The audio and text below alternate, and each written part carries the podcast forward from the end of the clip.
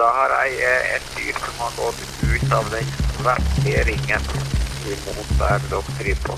Rovdyr som skytes med pumpehagle fra helikopter. Det høres kanskje ut som skytespillet GTA, men det er ulvejakt i Norge i dag. Eller ekstraordinært uttak av ulv, som staten kaller det. Det handler om eh, hat for ulven, ikke frykt for ulven. Skyting av ulv er alltid et betent tema, og etter det ekstraordinære uttaket nå er stemningen ekstraordinært dårlig. Du hører på Forklart fra Aftenposten. Jeg heter Marte Spurkland. I dag er det torsdag 24. februar.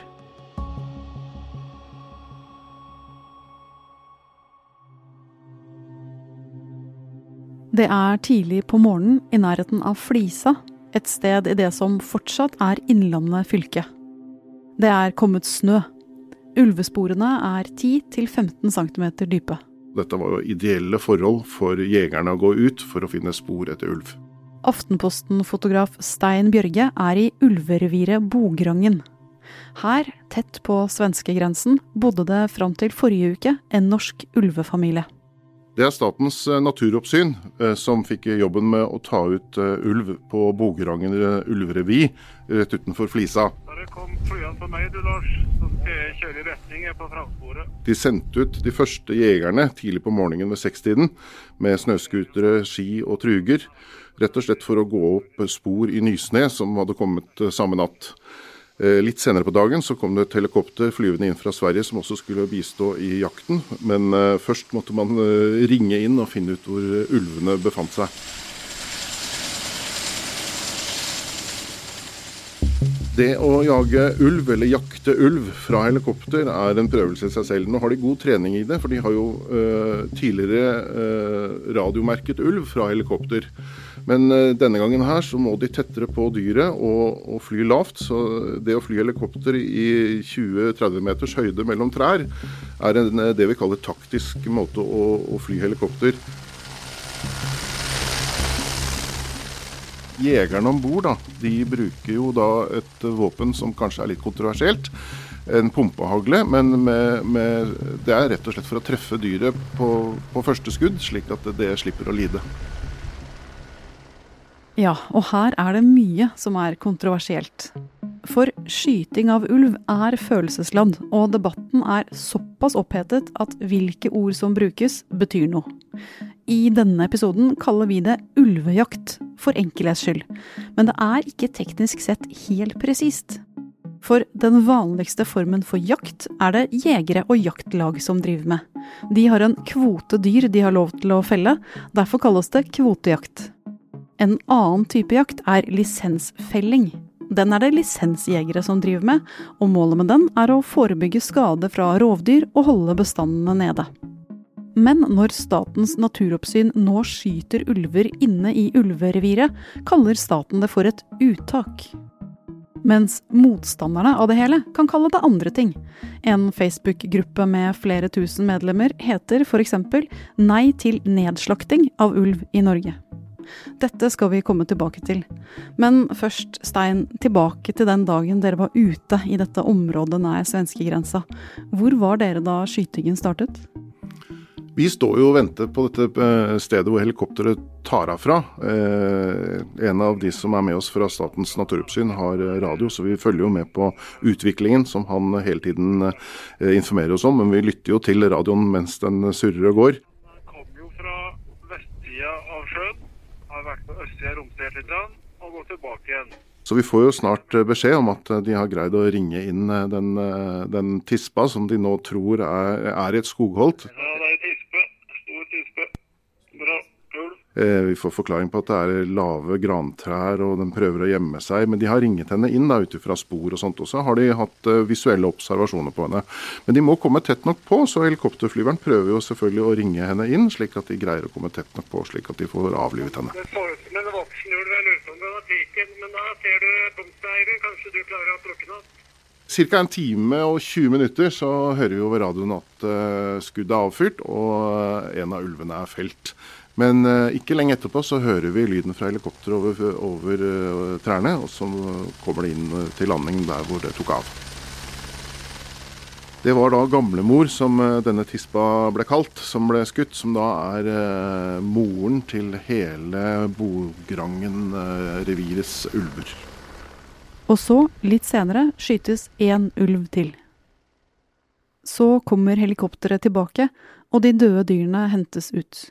Som fotograf så er jo min eh, oppgave å dokumentere virkeligheten. Og den virkeligheten som møtte meg på dette jordet utenfor Flisa eh, denne dagen, var et, et rent personlig et sånn grufullt syn. Når du lempes ut to døde ulver fra et helikopter.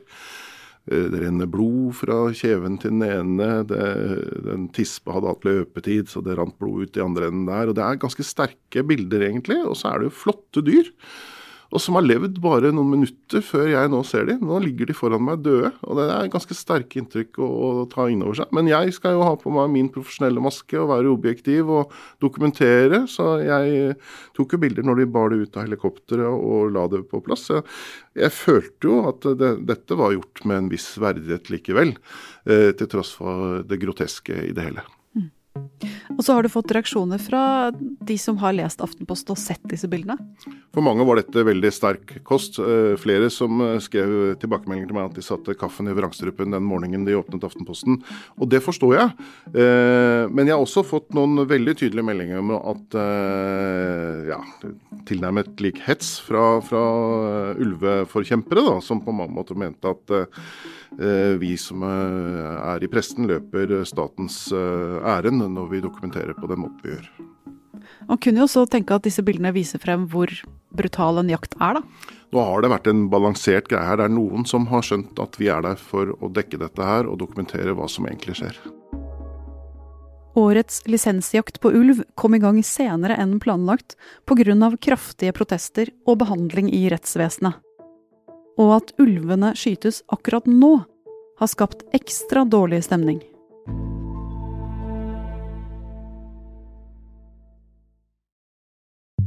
Ulvedebatten den fremstår eh, ganske betent. Det er veldig sterke følelser i sving. Og når jeg som journalist skriver om ulv, så renner det jo inn i e-postboksen min med kommentarer og tilbakemeldinger. På den ene siden så har det jo folk som bor nær ulverevirene som er redde for å sende husdyra på beite eller er redd for at hunden skal bli tatt av ulv.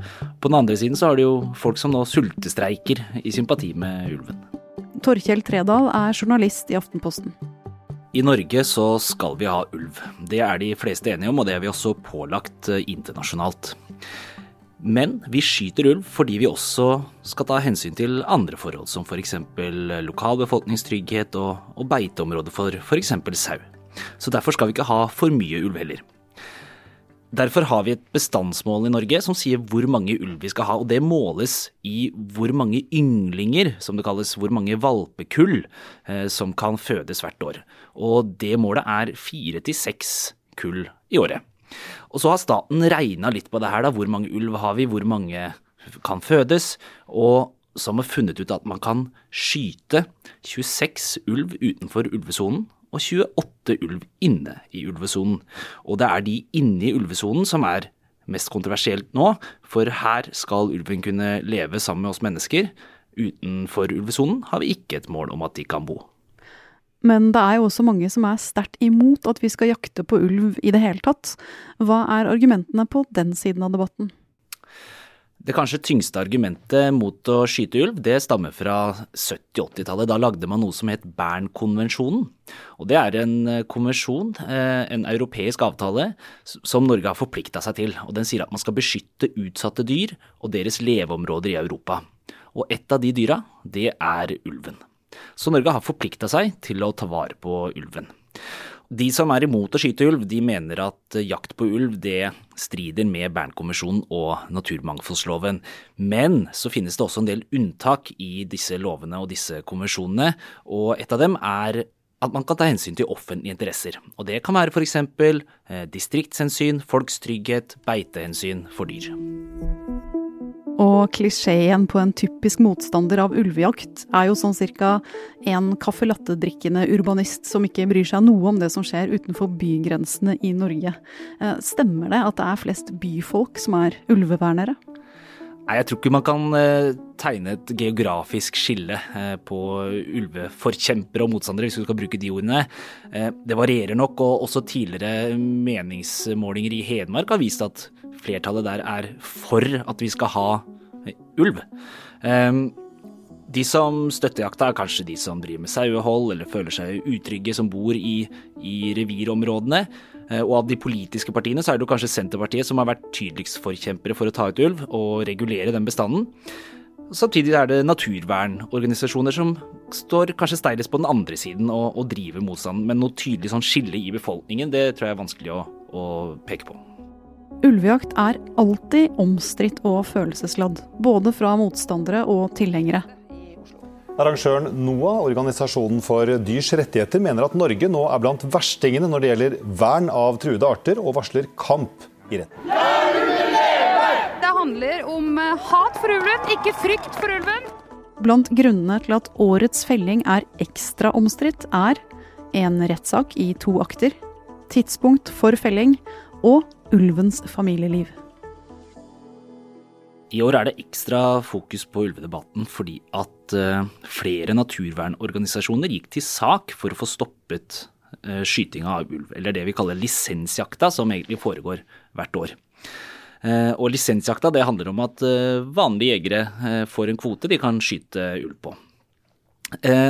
Disse organisasjonene de fikk medhold i tingretten med såkalt oppsettende virkning. Det betyr at man måtte utsette jakta Eh, helt fram til man fikk en rettskraftig avgjørelse. Og man fikk veldig dårlig tid på å skyte den ulven, hvis man skulle, i det hele tatt skulle få det da. Og så, bare tre dager før fristen for lisensjakta gikk ut den 15. februar, så vant staten fram i lagmannsretten. Naturvernorganisasjonene tapte, og dermed kunne lisensjakta på ulv starte. Men man fikk ganske kort tid, for det var jo bare tre dager igjen. Og det endte med at det ble det mange kaller tidenes raskeste ulvejakt. Man skjøt ganske mange ulv i løpet av en helg. Men selv om jakta var rekordrask, rakk ikke lisensjegerne å skyte all ulven som de hadde tillatelse til å skyte. Så for å opprettholde det bestandsmålet man hadde satt seg, så besluttet Miljø- og klimadepartementet et såkalt ekstraordinært uttak av ulv. Og det betyr at man i to uker til kunne ta ut ulv, men det var ikke lenger jegere som skulle gjøre det. Nå var det Statens naturoppsyn, eh, staten sjøl, som skulle ta ut denne ulven. Dette er, jeg har ikke skutt hele kvoten. Nei, men dette er jo I utgangspunktet så er det jo en syltynn begrunnelse for å ta ut disse flokkene. Altså det som jo tingretten påpekte. At, du, at det her ja, men det, dette, Jeg er helt sikker på at dette kommer til å ende opp i Høyesterett. Og dette ekstraordinære uttaket har skapt enda mer debatt. For det er nemlig en grunn til at ulvejakta vanligvis stopper 15.2. Det som kalles ynglingstiden da paringstiden til ulven setter i gang. Og våre folk i felt de hørte jo f.eks. om blod i snøen, som kunne tyde på at tispa der allerede var i løpetid. da. Eh, og da skal ulven vanligvis ha fred, og så er faktisk ulven også monogam og samarbeider om å oppdra ungene, litt som oss mennesker.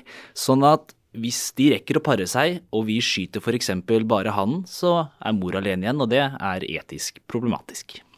Men det er også mer enn timingen folk reagerer på? Ja, Det handler litt om måten man gjør det på nå. For når eh, staten eh, sjøl går inn og gjør et uttak, så skyter de f.eks. fra helikopter eh, og med andre typer våpen enn det vanlige jegere kan. I lisensjakt så er det ikke lov med motoriserte kjøretøy, helikopter, ikke lov å forstyrre dyrene og jage dem, ikke lov å spore dem med GPS, og det er strenge regler for hvilke typer våpen du kan bruke. Så hvorfor kan staten da skyte ulv fra helikopter og nå i ynglingstiden? Det er fordi at Statens naturoppsyn og staten er eh, unntatt de reglene som gjelder for vanlige jegere når de driver såkalt uttak av eh, ulv. Eh, en del kan nok tenke at det virker ganske brutalt å jakte på den måten, men samtidig vil nok andre si at dette er en ganske treffsikker og på den måte human måte å jakte ulv på. Man, man, er ganske trygge på at man får sporet opp de dyrene man vil, og får tatt ut både mor og far, i større grad enn om man skulle traske rundt i skogen og prøve å skyte ulven. Men det er klart, for motstanderne av ulvejakt hjelper det lite at det ekstraordinære uttaket er treffsikkert og effektivt. De mener nok at uh, ulven har rett til et vern i seg selv. Uh, vi er jo forplikta til å ta vare på den, og hvem er vi mennesker til å bestemme over hvilke ville dyr som skal få leve? For det andre så mener de nok at tapet av beitedyr ikke er så dramatisk og stort, og at ulven har utgjort en ganske liten trussel for oss mennesker. Så når ender denne runden her med ulvejakt eller ekstraordinært uttak? Det statlige uttaket av ulv nå kan pågå til 1. mars, litt ut i neste uke. Akkurat nå så leter man etter ulv i Rømskog i Aurskog-Høland kommune sør i Gamle Akershus. Der har man tatt et par ulv de siste dagene, og totalt så kan man skyte ti der borte. Og hva med ulvedebatten, da? Hvordan tror du den går videre? Jeg tror nok at vi med ganske stor sikkerhet kan si at den debatten ikke er over, og at Norge ikke har skutt sin siste ulv.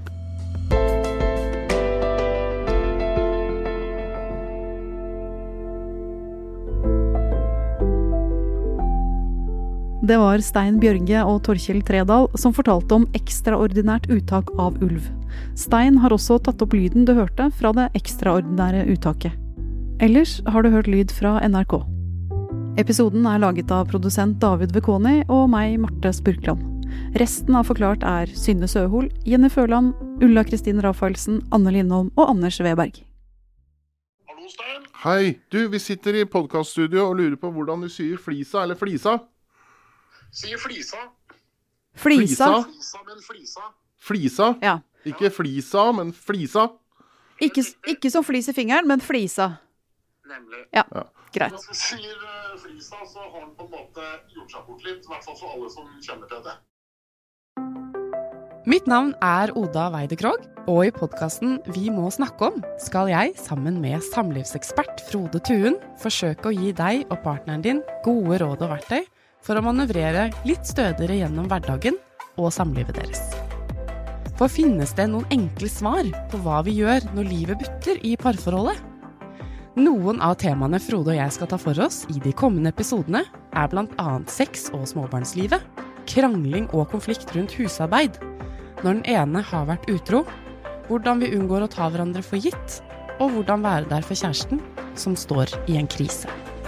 Podkasten finner dere på Podme og aftenposten.no. Vi høres!